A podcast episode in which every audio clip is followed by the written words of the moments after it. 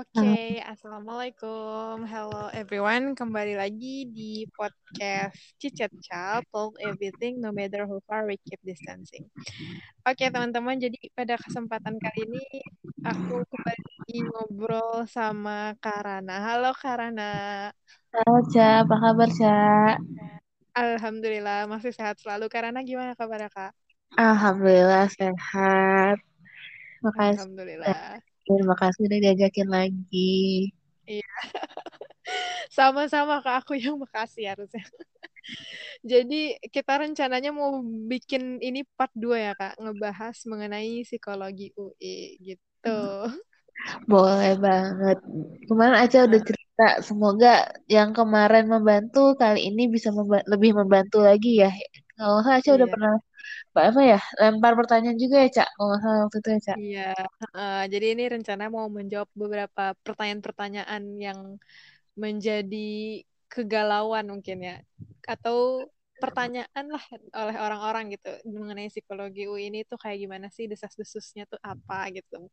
Nah mungkin nih kayak yang paling ya sebenarnya aku juga sempat sempat menjadi pertanyaan aku sih nih kak karena nggak terlalu tahu juga gitu kan ya nggak hmm. ikut berkecimpung di dalam dunia psikologi gitu ya kan ya kak. Yang jadi pertanyaan banyak orang gitu ya kak.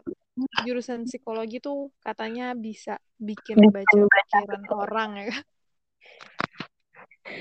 Bener gitu aku coba jawab ya. Kalau aku hmm. Sebagai mahasiswa dan sekarang alhamdulillah udah alumni gitu ya S1 S2 gitu. Waktu kemarin udah cerita kalau dibilang baca pikiran baca eh, baca pikiran orang itu emang sih orang di luar psikologi ada beberapa yang aku dengar ngomong kayak gitu gitu kan. Tapi buat aku yang udah mencoba men, apa mendalami ilmunya sejauh ini itu kalau menurut aku itu suatu mitos ya gitu kan. Kalau kita ngomong mitos kan fakta itu mitos gitu ya. Karena ya bukan baca pikiran orang gitu kan. Kenapa kok orang ngerasa kok baca si uh, apa uh, kata psikologi psikologi ngomong gini gini gini apakah dia mau baca pikiran enggak gitu kan. Tapi lebih kayak adanya sesuatu yang dia lihat berulang-ulang dia lihat tingkah lakunya oh dia uh, A uh, karena bla bla bla di masa lalunya. Jadi dia ngelihat dulu nih perilaku orang itu seperti apa. Jadi dia punya kesimpulan seperti itu. Jadi bukan baca pikiran orang orang ini kita scan uh, dirinya seperti ini kita baca pikiran nggak bisa juga gitu kan. itu pun juga ngelihatnya juga bukan satu dua hari. Bahkan kalau uh, psikolog itu bisa mendiagnosa suatu uh, masa apa namanya treatment dari seseorang tuh gara-gara dia sudah nge, melalui proses yang panjang, wawancara, observasi, dan alat-alat tes lainnya yang membuat dia punya diagnosa seperti itu. Hmm. Jadi ya bukan baca pikiran kita ketemu, ini aku ketemu Aca nih langsung, aku baca pikiran hmm. kayak gini enggak gitu kan. Hmm. Atau yeah, mungkin yeah. ketemu Aca, Acanya murung, Aca lagi sedih ya. Itu karena kita udah ngelihat beberapa kali orang yang uh, apa namanya tampilannya seperti itu, makanya kita bisa oh mungkin dia sedih ya, oh mungkin dia seperti itu karena sudah berkali-kali melihat situasi yang sama, makanya dia bisa melihat seperti itu. Tapi bukan baca pikiran ya, gitu. Dan walaupun juga aku pernah, kalau salah aku pernah lihat quote psikologi deh, sampai aku pernah punya kaosnya gitu kan. Kita itu bukan membaca pikiran orang gitu loh. We are not mind reader gitu kan, gitu. gitu. Iya sih ya kak. Berarti berarti emang dari hasil analisis latar belakang atau masalah yang berulang gitu ya kak baru bisa mendiagnosis nih kira-kira nih orang kenapa ad, apa psikisnya gitu ya kak. Ada hal yang dia tampilkan. Kalau psikologi itu kan sebenarnya ilmu yang mempelajari perilaku. Jadi perilaku apa yang muncul sama dia yang menurut kita yang belajar psikologi oh kita udah lihat nih. Kayak nggak usah psikologi deh kayak Aca aja. Lihat temennya yang murung terus kayak apa di pojokan.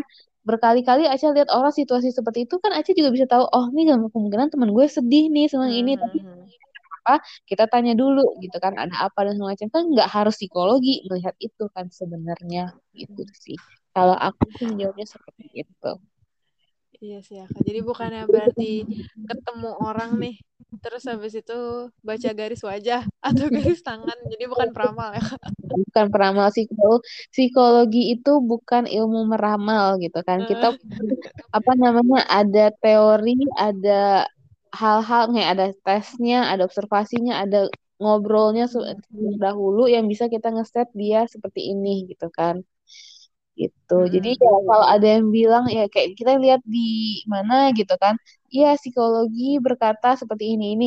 Ya mungkin kalian Hmm. wah langsung jelek langsung ngerasa oh iya iya bener ya gue kayak gitu. Nyanyiin gue kayak dia. Iya mungkin dalam keadaan itu benar karena dia ngerasain seperti itu. Tapi kalau orang yang lain yang baca tidak kayak seperti itu ya belum tentu itu benar juga gitu kan. Jadi harus Hmm. lihat dulu nih literaturnya atau lihat dulu pengalaman sebelumnya benar nggak seperti itu. Jadi jangan langsung cepat mengambil kesimpulan gitu kan. Seperti itu sih.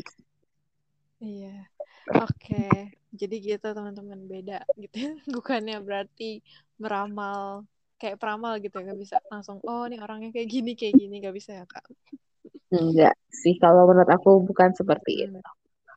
Mitos ya Nah terus nih kak, ya oke. Nah terus nih kak, sama nggak sih psikolog itu sama psikiater? Bedanya apa kalau misalnya nggak sama? Oke, kalau psikologi sama psikiater itu dua hal yang berbeda. Mungkin bahasanya gini kali ya, psikiater itu kan orang ya, ter. Jadi kalau kita nyebutnya psikolog, Oh. psikolog dan psikiater beda atau sama, itu berbeda gitu kan. Hmm. Karena eh, psikolog itu adalah seseorang yang sudah lulus sebagai sarjana psikologi dan mengambil, eh sedang mengambil S2-nya profesi psikologi gitu kan. Jadi dan dia sudah lulus magister profesi psikologinya itu. Makanya dia disebut dengan psikolog.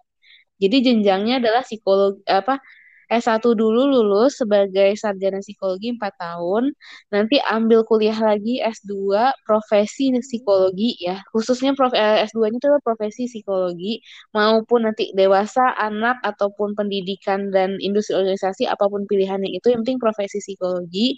Sudah lulus dua setengah tahun itu dapat eh, apa surat izin praktek dan sudah disahkan sebagai MPC psikolog oleh eh, apa sih namanya HIMSI, Himpunan Psikologi, baru dia dikatakan psikolog. Tetapi Hmm. kalau di psikiater itu adalah dokter eh, orang yang sudah lulus sarjana eh, ke- apa sudah lulus S1 kedokterannya, SKET dan eh, Hmm. sebagai dokternya, lalu ambil spesialis kejiwaan itu yang dikatakan Hmm. psikiater. Jadi dua ilmu yang berbeda sebenarnya. Gitu. Itu Hmm. il apa dasar perbedaannya sih di situ. Tapi perbedaan lainnya adalah yang aku tahu ya, karena aku bukan psikolog, yang aku tahu adalah eh, psikolog itu eh, untuk apa sih namanya penanganannya jarang memberikan obat gitu kan. Misalnya dia terdiagnosa depresi misalnya gitu kan oleh psikolognya. Dia eh, lebih eh, mencoba untuk menyelesaikan masa, eh, masalahnya dengan kasih treatment. Misalnya ada terapi apa ABCD yang aku nggak nggak tahu banget apa karena aku bukan psikolog. Tapi mungkin kalau psikiater mungkin ada untuk ada obat penenangnya, ada segala macam. Dia bisa ngasih resep eh, obat. Yang aku tahu psikolog tuh jarang sih ngasih obat. Kalaupun dia mau ngasih obat, dia akan refer ke psikiater ini dulu. Karena dia bisa kerjasama kan Hmm. berdua. Itu Hmm. sih. Yang sebatas itu yang aku tahu karena aku bukan psikolog sih. Jadi batasan-batasan itu sih yang harus kita tahu sih perbedaannya. Jadi dua orang yang berbeda tapi sama-sama membahas membahas kejiwaan, tapi dua latar dua latar belakang pendidikan yang berbeda gitu sih. Hmm, gitu. Gitu. Oke, oke. Jadi kalau psikolog itu ya jurusannya psikologi ya. Tapi kalau Iya, psikiater itu kedokteran ya Kak masuknya. Ambil dua spesialis kejiwaan, tapi setelah kejiwaan. esket lulus dokternya itu ya Kak. Ya, jadi dia eh, kalau dokternya tuh kalau salah prosesnya ada SKET dulu, nanti dia Iya, lulus esket sebagai dokter, biasanya. kan sumpah Hmm, hmm, dokter, nanti dia ambil hmm. spesialis lagi, ambil kejiwaan gitu kan. Iya, berarti Dan setahu spesialis aku dari juga kedokteran. dokter juga punya eh, S2 masing-masing kan, termasuk ada si Iya. spesialis ini gitu kan. Psikologi juga Hmm, gitu. Ada profesi, ada terapan, kayak aku kan terapan gitu, nanti ada yang hmm, sainsnya beda-beda lagi gitu sih. hmm. Gitu. Oh, oke Kak. Nah, terus Kak berarti kan tadi kan Karana bilang bukan psikolog. Lah, Mm-mm. terus berarti yang disebut psikolog itu kayak gimana Kak? Kalau Bukan berarti udah selesai S2 itu semuanya psikolog atau sesuai spesialis bid apa prodinya masing-masing lagi atau gimana? Kalau aku ngelihat dari UI ya, nggak, nggak- kurang tahu kalau di universitas lain. Di UI itu untuk S2-nya, magisternya tuh ada Mm-mm. tiga. Pertama, profesi, di mana nanti lulusannya sebagai psikolog tuh terdiri dari beberapa, eh, apa sih namanya, peminatan. Jadi ada yang psikolog lulusnya dia mau psikolog anak, ada yang anak dan remaja tuh digabung.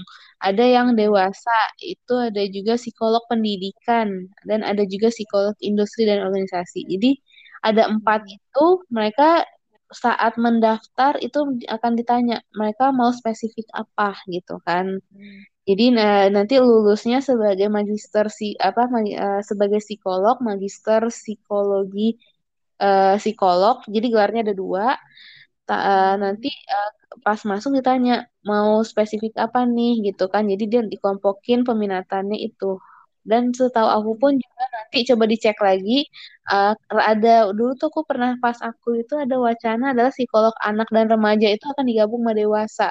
Jadi pas masuk Mm-mm. nggak ada psikolog klinis anak dan remaja ataupun dewasa lagi, tapi itu digabung. Baru nanti setelah lulus dia akan fokus di bidangnya setelah lulus. Baru nanti ada yang baru di beda lagi ada pendidikan, ada si industri si organisasi ini. Gitu. Nah, ya kalau Karana sendiri berarti itu kayak gimana Kak? S2-nya masuknya apa? Terus berarti bukan psikolog, terus jadi gimana Kak? Nah, aku lanjutin yang tadi ya. Oke, oke. Tadi kan sampai sempat yang pertama di UI itu ada magister profesi kan yang lulusnya jadi psikolog. Nah, yang kedua ini yang bagian aku. Jadi di UI itu ada magister psikologi terapan. Nah, di mana yang terapan ini tuh gelarnya MPSIT. Jadi M, M titik dot eh, T. Beda sama yang psikolog, empathy, do- eh, psikolog. Jadi ada dua gelar kalau buat psikolog. Kita satu, oh terapan empathy di mana yang itu Hmm. eh, itu lulusannya yang aku pahami adalah dia tuh bisa mengaplikasi apa sih ilmu-ilmu yang sudah mereka pelajari dari psikologi Hmm. gitu loh. Jadi Hmm. penerapannya kan psikologi terapan. Jadi penerapan dari ilmu-ilmu itu apa? Makanya dia kalau aku sih menyebutnya setelah lulus ini adalah aku sebagai praktisi gitu kan Kak. Tapi it- itu bukan tapi mereka itu punya tiga peminatan juga. Ada anak usia dini yang aku ambil. Yang kedua ada intervensi sosial. Jadi dia lebih ke masyarakat. Dia bikin penera bikin apa nih sesuatu buat masyarakat, program-program apa. Dan yang ketiga berkaitan dengan sumber daya manusia gitu kan. Jadi berkait biasanya tuh dipakai untuk orang-orang di kantor seperti yang industri organisasi yang psikolog tapi ininya penerapannya gitu kan yang di eh, sarjana eh enggak magister psikologi terapan. Itu yang kedua. Itu dan itu yang aku ambil kemarin pas S2. Yang ketiga, S2 di UI itu psikologinya ada magister science, di mana yang mau jadi ilmuwan, mau jadi praktisi, peneliti, dan segala macam, yang mau jadi dosen tuh di biasanya tuh ngambil yang magister science ini, gitu loh. Dan lulusannya sebagai lulusan MSI, gitu loh. Jadi itu Hmm, di gitu. psikologi itu ada tiga, ada yang sebagai psikolognya, ada yang sebagai praktisinya, dan ada yang sebagai yang saintisnya lah, yang mau ilmuannya tuh di situ. Gitu. Oh, berarti yang sebagai saintisnya itu jatuhnya sama kayak ilmu murni sains biasa ya, Kak, MSI gitu ya?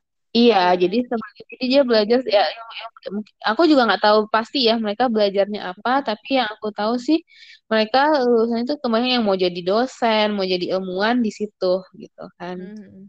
Ya di situ. Oh, berarti nih kalau di UI nih yang masuknya ke yang disebut gelar psikolog itu yang ngambil profesi profesi. gitu ya, Kak? Heeh. Dan yang Ah, rata-rata semua universitas yang punya S2 untuk jadi psikolognya ya pasti dia hmm. punya mata kuliah magister profesi sains ini sih setahu aku. Eh Hmm, memang gitu. magister profesi psikologi, maaf. Jadi pasti punya magister profesi psikologi ini gitu. Hmm. Dan pun perbedaan ketiga ini adalah eh, magister profesi psikologi inilah yang satu-satunya magister S2 psikologi yang boleh mengambilnya adalah S1-nya psikologi. Karena ke di luar, Hmm. kalau misalnya Aca nih dari bukan psikologi, Hmm. pengen belajar psikologi, S2-nya boleh, tapi tidak boleh ngambil yang magister profesi psikologi. Di ilmu aku boleh, yang psikologi terapan Aca mau Gitu. coba belajar psikologi, boleh banget S2-nya itu. Hmm. Sains pun juga gitu, Aca eh, ada ke- kenalan aku dia itu seorang insinyur teknik sipil uh, temennya Hmm. papaku dia mau belajar nih psikologi perkembangan anak bisa dia ngambil tapi Hmm. bukan yang psikolog gitu loh karena psikolog itu Oh, alah. biasanya tuh S1-nya psikologi Oh, yang si terapan sama Oh. si sains ini walaupun kita bukan psikologi S1-nya kita akan dikasih pembekalan kayak martikulasi lah bahasanya seperti Hmm, itu iya, iya. Hmm. uh, satu semester pertama makanya Hmm. boleh di luar psikologi mendaftar Hmm. Tapi yang jelas mungkin tetap S1-nya tuh yang linear sosum kali ya, Kak. eh kurang lebih gitu kali ya. Tapi itu aku Hmm. ngelihat eh temannya papaku insinyur kan sains tuh bisa gitu Iya, kan. iya. Gitu kan. Terus ada juga Eh aku dulu ya ini juga eh, keponakan temannya papaku sih. Dan dia juga Hmm. kalau nggak salah dia keponakan Habibie deh. Presiden Habibie. Hmm. Dia itu dokter gigi pengen belajar tentang psikologi S2-nya dia juga ngambil itu gitu loh. Jadi kayak ya nggak tahu ya nanti dicek lagi aja ya. Itu kan dia Iya, zaman iya. dulu tahun angkatan Iya. berapa ya? Hmm. Sekarang dicek lagi aja kalau teman-teman ada yang mau daftar nih S2 pengen psikologi nih belajar tapi bukan psikologi, dicek aja persyaratannya kira-kira benar-benar Hmm. eh, di luar psikologinya apa aja nih? Apakah benar-benar harus soshum berkaitan dengan itu atau di luar Hmm. itu tapi ada yang berkaitan silakan bisa ya coba aja gitu kan. Gitu sih Hmm. dari aku. Iya sih. Oke deh, jadi gitu teman-teman penjelasannya ya. Oke deh, terus nih Kak, menjawab pertanyaan selanjutnya. Heeh. Hmm, lulusan psikologi katanya biasanya orang-orang tuh kenalnya taunya jadi HRD gitu Kak. Nah, kira-kira jenjang karirnya gimana sih Kak mengenai jurusan psikologi ini? Oke, itu Hmm. em, nggak salah sih ada orang yang beranggapan seperti itu karena eh, karena kan ya kita lihat psikologi kan gimana HRD, human resources, terus Hmm. Namanya training namanya itu nggak salah. Tapi lagi-lagi aku dengar satu kalimat dari ya mungkin dari teman-teman psikologi kali ya atau senior-senior adalah si lulusan psikologi itu bisa kerja di mana aja karena asal ada manusia. Eh berarti kan di mana aja, beneran di mana Iya, aja iya. kan? Karena kita belajar tentang manusia diharapkan ya di mana pun kerja bisa gitu. Kan mau belajar gitu kan misalnya gitu. Hmm. ya kayak tadi mungkin eh, kalau dulu itu kalau lihat dari peminatannya psikologi ya apa bidang studi bidang studinya.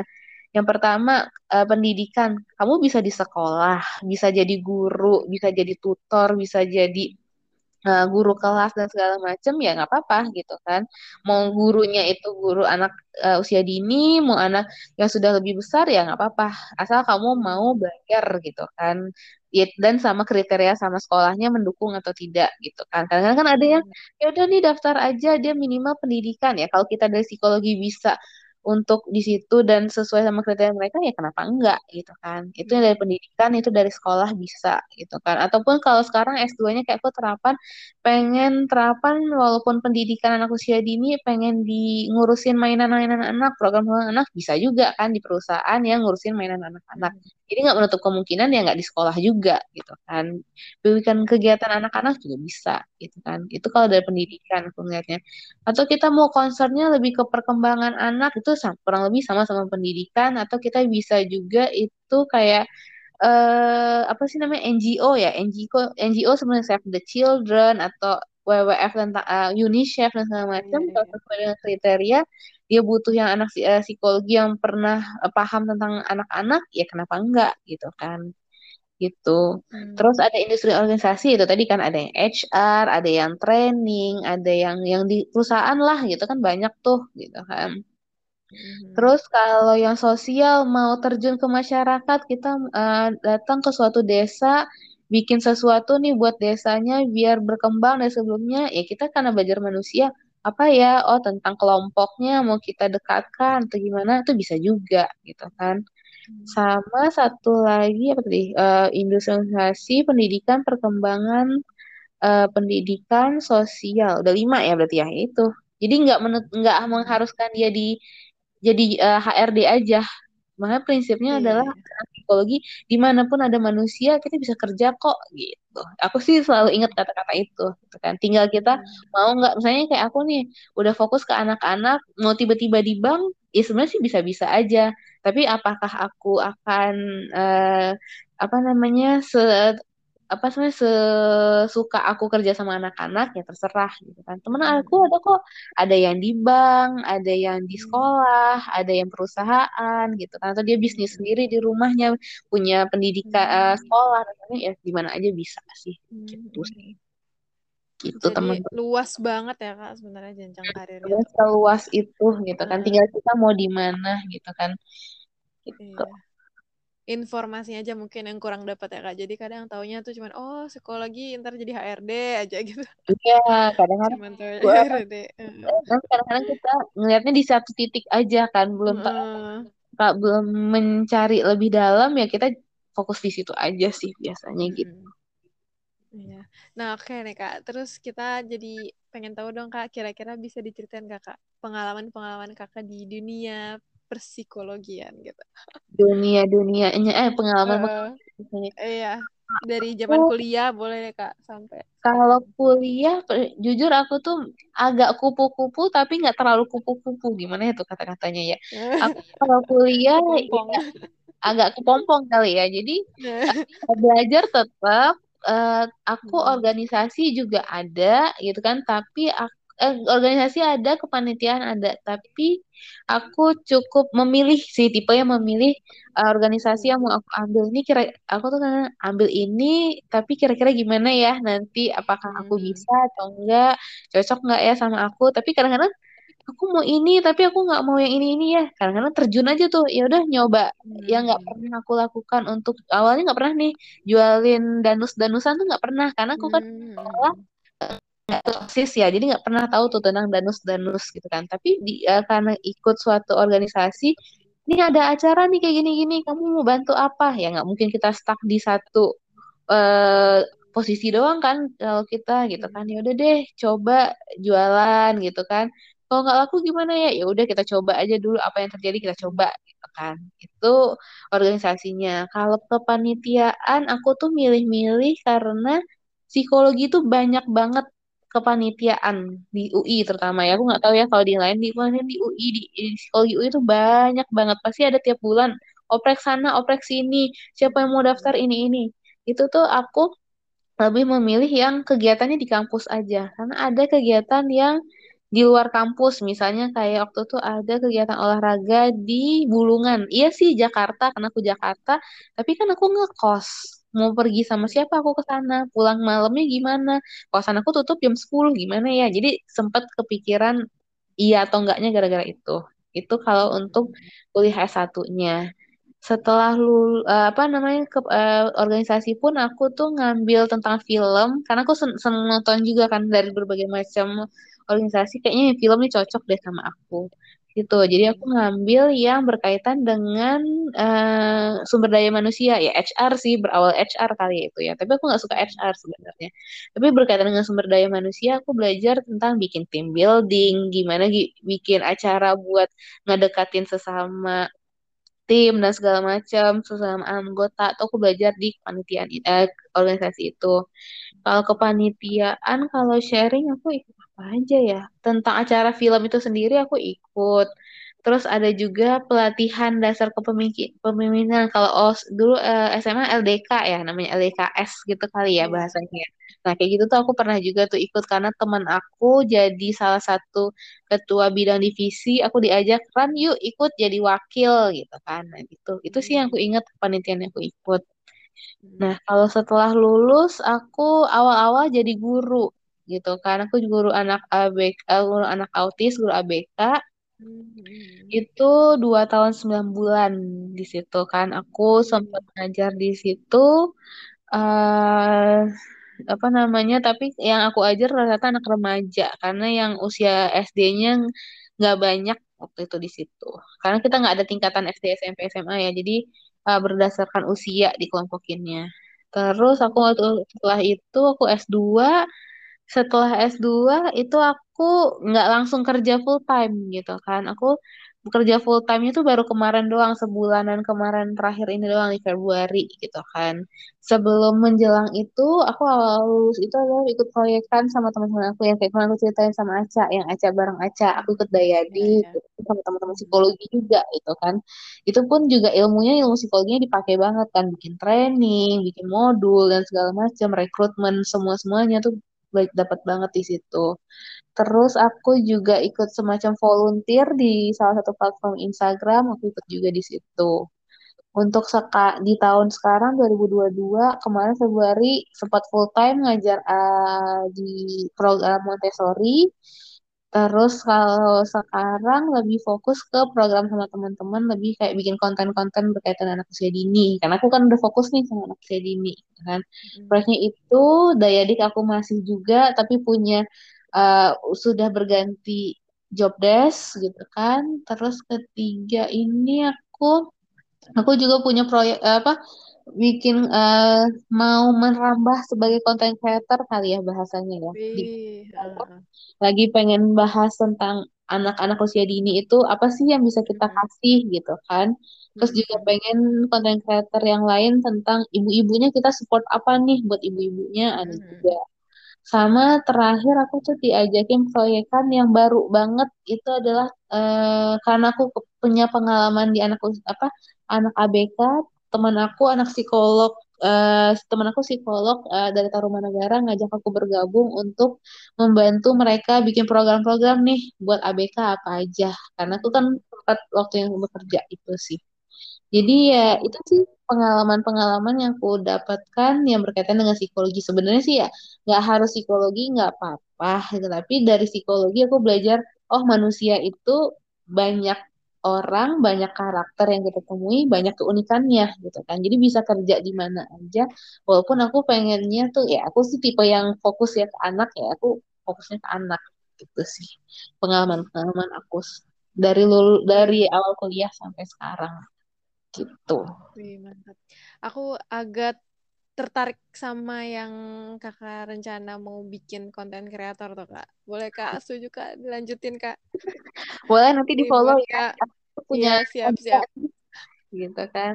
Iya kalau yang kan, konten itu kan lagi banyak ya kalau kita lihat ya sekarang ya. betul, zaman sekarang kan kayak apa-apa tuh ngekonten gitu kan. Maksudnya lebih gampang untuk mensosialisasikan sesuatu melalui media sosial gitu kan tanpa susah payah misalnya brosur, pamflet segala macamnya kan gampang banget kan aksesnya gitu ya Kak. Jadi benar, benar. boleh banget gitu kan kita memberikan sesuatu yang bermanfaat gitu, Iya. mengedukasi tentang Heeh. dunia gitu. psikologi gitu misalnya. Didoakan ya. Nanti teman-teman boleh follow. Aku pun yang sedang aku kerjain tuh ada dua. Yang pertama Little Kiddie Learning itu tentang anak heeh. kita fokusnya ke anak-anaknya gitu kan. Nanti ada konten Hmm, tentang anak-anaknya dan kita juga punya rencananya nih kita punya program-programnya nanti tungguin aja ada program-program apa silakan follow itu. Yang kedua berkaitan dengan ibunya kita akan nama eh, Instagramnya namanya Bu Ibu itu kita fokusnya dari berangkat ibu-ibu ini punya masalah apa sih sama eh, yang dia menurut dia susah untuk dilakukan bersama anak-anak karena banyak yang harus hmm, dilakukan. Padahal enggak di rumah aja dia lagi capek minta tolong anaknya A B C D yang ada di rumah itu bisa jadi konten buat dia interaksi hmm. sama anaknya. Jadi nggak tanpa harus preparation dia bisa melakukan sesuatu. Jadi dua itu silahkan di follow juga teman-teman. Terus promosi ya Cak di sini iya nggak apa-apa apa itu Kak tadi akunnya jadinya yang namanya yang anak-anak namanya Little Kiddie Learning. Little Kiddie Learning. Mm-mm. Nanti aku kasih ke Aca deh eh, tulisannya ya. Yang Little kedua namanya Bu, yang kedua namanya Bu Ibu. Bu Ibu. Oke, Buat ibu-ibu. cukup unik. Nah, gitu. Oke, semangat Kak, semoga lancar kontennya. Amin. Oke, Kak, terus coba bisa di-spill nggak Kak? Kira-kira hmm, pelajarannya gitu kan, mata kuliahnya apa aja sih Kak yang dibahas gitu? Contoh-contoh mata kuliahnya misalnya contoh-contohnya. gitu ngapain aja? Heeh, Kalau s satu ya, kalau s satu heeh, itu mata kuliah dasarnya pasti kita akan ya mata kuliah universitasnya adalah semacam ya disebut apa ya kalau UI itu nyebutnya sih kayak MPKT itu kayak mungkin kayak panca eh ya kayak ada integrasinya gitu lah gitu kan ada belajar bahasa Inggrisnya tuh awal-awal juga ada karena itu kan mata kuliah universitas gitu kan kalau Hmm. dari psikologinya sendiri tuh banyak banget pasti teman-teman suka ada mata kuliah kita eh, kalau aku dulu tuh karena anak perkembangan sama klinis tuh ada mata kuliah psikologi keluarga. Gimana sih kita belajar tentang membentuk suatu keluarga dari cara memilih pasangannya, gimana kita eh, nanti eh, kalau udah menikah tuh harus apa, kalau punya anak usia bayi gimana sampai anak usia remaja tuh ada gitu kan. Itu masa kuliah yang paling aku senangin psikologi keluarga. Terus ada juga mata kuliah PAUD-nya sendiri juga ada. Jadi kita gimana sih eh, perkembangan anak usia dini gitu kan. Hmm. Itu dari yang aku yang perkembangan aku suka itu. Terus kalau umumnya tuh yang aku suka eh, kita sempat dikasih tahu ya ini loh contoh-contoh tes psikologi itu kita sempat diajarkan tapi tidak mengguna menggunakannya iya tapi bukan untuk dipakai. Oh kita bisa pakai ini nih nanti enggak, tapi kita diperkenalkan nih ada alat tes seperti ini ini ini eh, apa namanya fungsinya seperti ini ini yang dinilai tapi bukan untuk kita gunakan karena itu kan cuman perkenalan ya gitu kan. Jadi Hmm. kalau S1 tuh kalau diajarin tes sebatas perkenalan gitu. Hmm. Terus kita juga diajarin berbagai apa namanya eh, berbagai macam eh, bahasanya apa ya? Dia apa namanya eh, disorder disorder klinis apa masalah eh, klinikalnya psikologi misalnya kayak anak autis, anak yang depresi, eh, orang-orang yang depresi seperti apa ciri-cirinya gitu kan, orang yang bipolar ternyata kita belajar itu. Maupun anak-anak aku belajar sebagai ngambil peminatan anak-anak eh, sebagai orang dewasanya juga kita belajar karena peminatan dewasa waktu itu. Tapi balik lagi sebatas perkenalan dan eh, apa sih ciri-cirinya apa sih tanda-tandanya. Tapi kita nge-state dia seperti itu atau seperti ini tuh kita belum di eh, kita belum diperbolehkan. Jadi diperkenalkan. Hmm. Itu ada. Dan kalau statistik kita juga ada. Jangan sedih, kita ada belajar statistik gitu kan. Tapi bukan kita eh, kalau ada yang bilang psikologi itu nggak aku mau masuk psikologi karena nggak ada matematika. Jangan salah, kita ada Hmm. matematika juga. Tapi bukan matematika kayak anak yang masuk jurusan matematika. Enggak, kita belajar statistiknya. Kita juga diajarkan eh, apa namanya eh, ada namanya kalau buat penelitian tuh namanya SPSS-nya kita juga ada. SPSS. Hmm, itu Hmm. pasti kita ada belajar itu karena kita ada belajar Hmm. metode penelitian. Karena kan Iya. psikologi itu banyak meneliti gitu kan. Kita ya kita eh, belajar ala- kita eh, bikin alat ukur psikologi Iya. dari teori psikologinya atau kita belajar. pengukurannya. Pengukurannya ada, tapi kan Hmm. pengukuran ini dikatakan valid, reliable, dan yang kriteria-kriteria itu kan harus kita tes eh, dari si SPSS ini kan yang ngebantu kita kan Hmm. nggak Hmm. hitung man- untungnya kita nggak hitung manual ya tenang ada SPSS kok yang ngebantu Hmm. tapi itu kita akan belajar juga matematika ada angka-angka gitu kan ada metode penelitian ada statistiknya ada belajar membuat alat ukur psikologinya berdasarkan teori gitu tuh ada juga gitu kan itu buat Hmm. S1-nya. S2 kurang lebih sama, tapi tergantung kita ngambil apa. Kalau aku terapan keadaan anak usia dini yaitu banyaknya berkait eh, belajar tentang psikologi anak itu seperti apa, perkembangannya, pertumbuhannya, pendidikannya seperti apa gitu kan. Psikologi belajar itu apa, gimana sih kita ngajarin belajar buat anak usia dini, itu ada gitu kan. Hmm. Kalau di S1 itu juga ada psikologi belajar untuk eh, secara umum juga ada. Terus kita belajar ada yang agak berat kalau orang dengarnya kita belajar eh, kognitif. Gimana cara berpikir seseorang tuh seperti apa tuh kita juga ada belajar di S1 maupun S2 gitu kan. Bahkan S2 pun kalau ngambil met, eh, pemin- eh, ada yang peminatan pendidikan dulu tuh namanya metakognitif. Ini gimana kita cara berpikir dalam berpikir tuh ada lagi gitu kan. Tapi Hmm. semenarik itu karena kan kita kita yang sebagai manusia belajar tentang manusia kan kayak challenging nih gue kayak gini ya oh kayak gini jadi kayak penerapan ke sendiri aja makanya belajar psikologi dia bilang kayak rawat jalan ya nah itu mungkin gitu kan Jadi sambil tahu diri sendiri, kita oh gue kayak gini tuh ini kali ya. Kenapa sih gue suka malas-malasan belajar di eh, kalau belajar di eh, didengerin, tapi gue senangnya cuma ditulis-tulis nih. Itu ada gitu kan. Ternyata tipe belajar kita berbeda nih sama teman kita itu juga belajar sih. Jadi mata kuliahnya semenarik itu, macam-macam, seenak itu deh kalau menurut aku. Nggak salah kalau kalian pilih psikologi, terus promosi jurusan sendiri. Iya betul sih kak. Soalnya belajar mengenai karakter manusia itu kan kompleks banget ya kak. Pasti Benar. ada aja macam-macamnya gitu kan. Eh, eh. Dan kayak belajar diri Nah, sendiri aja sih kalau menurut heeh, aku. heeh. Mengenai hitung-hitungan kayaknya di prodi mana pun gak lepas sama yang namanya hitung-hitungan deh ya kak. Berarti di tuh jurusan kamu juga ada ya, Cak? Iya, pasti yang namanya pakai SPSS itu pasti ada kan buat ngolah Mm-mm. data. Statistik pasti ada diajarin juga. Jadi mau nggak mau ya harus kenalan dengan mata kuliah itu, guys. Jangan dianggap belajar oh psiko ya mungkin ada mah psikologi itu sosial humaniora ya mungkin buat di beberapa fakultas Eh, iya dia masuk sosial humaniora tapi ada kayak Unpad itu setahu aku dia dari sains kan. Tapi ya walaupun Iya, dia iya. sains ataupun kita sains masuk ke IPS misalnya ke sosial dan beneran sosial di UI gitu kan jangan salah tetap ada matematika kok. Tapi jangan dibuat oh nggak jadi deh nggak masuk nggak mau psikologi karena matematika jangan. Karena ya itu kan satu dari mata kuliah yang ada. Iya, belum coba kan yang lain. Kali yang lain kalian suka kan? Ya udah berarti kok itu cuma kayaknya nggak banyak deh. Cuman eh, kalau statistik itu di angkatan aku tuh ada tiga tapi yang nggak melulu itu tuh mulu. Jadi kayak oh ini dipakai buat ini. Jadi sambil belajar juga kenapa ini dipelajari? Kenapa sih statistik itu perlu? Tapi ingat statistiknya ada SPSS kan. Jadi nggak harus tahu rumus kayak kita belajar rumus fisika matematika yang banyak itu. Iya, kalau menurut aku sih seperti itu. Gitu. Jangan dibuat yang takut terpakai untuk yang sesuai prodi kita masing-masing gitu ya kak kebutuhan. iya benar itu dia. Nah, terus Kak kalau misalnya pas di S1-nya itu di awal semester ada dapat pelajaran umumnya juga nggak? Kayak kewarganegaraan, bahasa Indonesia sama dapat itu juga Kalau aku ngerasa kita ada belajar dasarnya juga sih kayak bahasa Inggris kita belajar, belajar agama pun juga ada setahu eh yes, agama Heeh. itu ada.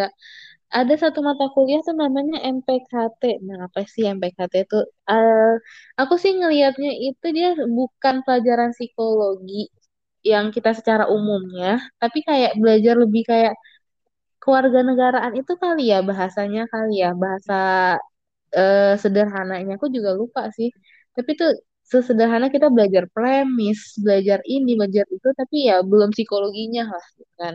Karena kan psikologi pun nanti ada psikologi umumnya juga ada gitu kan. Heeh. itu sih menurut aku tuh. Eh du ada sih belajar dasarnya ada bahasa Inggris agama ada yang sih yang aku bilang yang MPKT itu sama eh, yang menyenangkannya lagi ada ada MPKS. Jadi mata kuliah kita bisa boleh milih mau kesenian atau seni. Jadi mau ambil olahraga ada waktu itu ada basket, ada volley, ad- atau mau yang seni, mau yang film, mau yang nari, teater tuh ada gitu loh. Buat di awal-awal semester, dua semester awal deh, kalau nggak salah gitu deh. Heeh. Gitu. Iya. Seru ya Kak dengerinnya tuh Mm-mm. kayak asik gitu Itu itu kuliahnya. bukan di psikologi aja. Se-UI Heeh. belajar itu sih setahu aku. Jadi itu mata kuliah Heeh. wajib universitas kalau aku menurut aku. Oh. Jadi di psikologi pun juga ngerasa nggak psikologi melulu nih kita di awal Heeh. belajar secara umum gitu kan kita juga belajar yang lain juga gitu sih. Heeh. Oke deh Kak, mungkin ini ada satu pertanyaan lagi nih Kak, yang nyangkut Oke, belum kejawab mengenai eh, lingkungan di UI-nya gitu. Katanya ada oke. yang nanya suka takut nggak sih Kak kalau malam-malam ngelewat jembatan UI kata kayak gitu.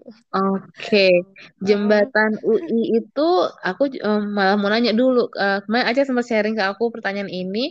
Jembatan UI-nya yang mana? Setahu aku tuh, yang aku tahu pribadi jembatan UI itu ada yang namanya Texas, Teknik Sas dan Sastra, karena itu perbatasan dari Fakultas Teknik dan Sastra tuh jembatan juga tuh menuju ke sana. Nah itu aku Hmm. malam-malam belum pernah coba sih. Jadi aku ya ada yang bilang UI itu serem kalau malam-malam gitu kan. Tapi yang Texas ini aku pribadi belum pernah malam-malam ya gitu kan. Tapi ya dia cukup gede dan lebar tapi nggak tahu ya kalau malam di sana seperti apa. Satu lagi yang Mm-mm. jembatan yang aku tahu itu ada ya ada- ini aku nggak tahu ya kenapa namanya ini ada yang bilang namanya jembatan aborsi itu da- emang perbatasan uh, di atas dekat stasiun UI gitu. Ya, aku taunya yang itu Kak, yang Nah, dekat ke arah stasiun. Heeh. Heeh. Kalau kalian Heeh. maksudnya jembatan aborsi, kalau itu pun juga namanya tuh Jembatan kenapa orang ngasih Aku baru tahu namanya jembatan aborsi loh Kak. Nah, itu juga orang ngasih Ya namanya katanya kan ada eh, kalau orang so kalau aku pribadi emang nyambung sih. Ada yang bilang karena tangganya nggak sama rata, jadi takutnya orang hamil naik itu Ah, kan serem ya gitu kan. Jadi lebih ah, hati-hati nih. Jadi mungkin lebih ya hati-hati kata-katanya seperti itu. Ah, kan. ah, Nah, itu ah. aku kalau ditanya malam ke sana eh, pernah atau enggak, serem atau enggak, aku tuh lebih serem sama tangganya yang kad- yang menurut aku ya, aku juga nggak ngerti ya eh, gimana cara pembuatan jembatan. Ntar aku bilang soto ya lagi nggak ngerti buat jembatan. Tapi menurut aku nggak sama. Jadi pas kita turun kok tiba-tiba nih lebih tinggi gitu kan. Ini kadang-kadang ah, naik eh, enak terus tiba-tiba tinggi. Nah, itu yang mungkin agak serem gitu kalau malam-malam karena agak gelap mungkin ya. Nggak tahu sih terakhir tuh kadang-kadang kalau malam tuh harus hati-hati deh, jangan buru-buru, apalagi kan ngejar kereta nih ke bawahnya gitu. Eh, iya aku betul. habis naik kereta pengen cepet-cepet. Nah, itu yang hati-hati aja. Serem atau enggak ya itu hati-hati eh, gelapnya. Terus kadang-kadang menurut aku yang nggak sama rata itu yang menurut aku Hmm. pribadi seremnya di situ gitu kan. Jadi Hmm. ya kalau aku sih tahu itu jembatan itu ya. Jembatan apa lagi ada di UI ya? Kayaknya sih itu. Dan kadang-kadang kan di jalan UI kadang-kadang ada yang lampunya eh, apa namanya terang sih ada lampunya tapi lebih baik kita sama-sama kenapa enggak gitu kan aku suka tuh ke stasiun karena aku S2 itu nggak ngekos kan kalaupun eh, S1 nge- eh, S1 ngekos S2 enggak itu ya lebih enak aja jalannya sama teman-teman gitu kan jadi kan kalau ada teman kadang-kadang kan Hmm. ngingetin tuh hati-hati gelap gitu kan atau kalau waktu S1 karena nyebrang rel walaupun bu- nggak pakai jembatan tapi kan ada yang bantu palang apa yang yang nutup pintunya tuh walaupun kecil kan Hmm. jadi kita lebih aware aja oh hati-hati tuh ada kereta Hmm. mau lewat gitu kan gitu sih dari aku sih itu Iya. untuk berkaitan Terus dengan jembatan ya iya, jadi ngomongin jembatan. Terus juga mungkin rute jembatan UI-nya itu yang panjang, agak panjang sih menurut aku ya, Kak. Jadi ya mungkin cu- apa curamnya itu panjangnya itu jadi kadang kadang akhirnya orang-orang lebih memilih turunnya di Pocin atau Pondok Cina, ya kan? Tapi kalau untuk gitu. sekarang sih, kalau menurut aku ya, kita turun Nah, di stasiun UI pun udah bukan harus naik jembatan itu. Jadi kalau jem- men- ah, terakhir aku kesan, terakhir aku naik jembatan itu dan aku tahu jembatan itu adalah jembatan ini adalah dari kita yang dari UI pengen keluar UI hmm, tanpa harus hmm. muter ke jalan iya. besar. Jadi kita bisa jembatan Ah, itu kita mau kayak oh tuh kan dekat stasiun tuh kan masih ada yang jualan ya perkakas perkakas ah, ya istilahnya kalau kita nyuti kayak mau UI lah semuanya ada gitu kan. Nah pengen ke daerah situ dan pengen ke Jalan Margonda yang besar di Depok situ itu mendingan pakai itu daripada kita harus naik eh, apa sih naik mau apa sih ojek dan segala macam PR ya gitu kan. Kayak harus Iya, iya. mendingan kita mau cuma ke cuil ke depan doang nih. Ada ya, Ah, si jembatan inilah yang menjembatani gitu kan. Hmm, ya nggak yang kayak dulu tuh jembatannya nggak ada ya kita jembatan itu kan harus nyebrang banget kan ke seberang itu. Nah itu yang kadang-kadang ya orang memilih untuk tidak turun di UI mungkin itu kali ya gitu kan. Tapi ya untuk sekarang sih ya cukup membantu sih untuk kita ke depan itu. Tapi kalau buat ke fakultas ya kita tinggal tahu aja.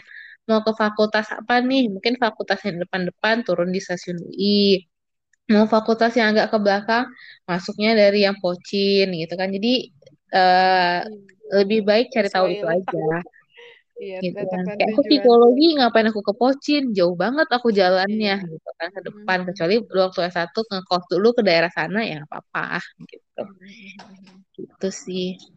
Hmm. Oke deh Karana, makasih atas sama sharing-sharingnya malam ini. sama-sama. Terima kasih juga buat Aca sama Iya, pendengar-pendengarnya.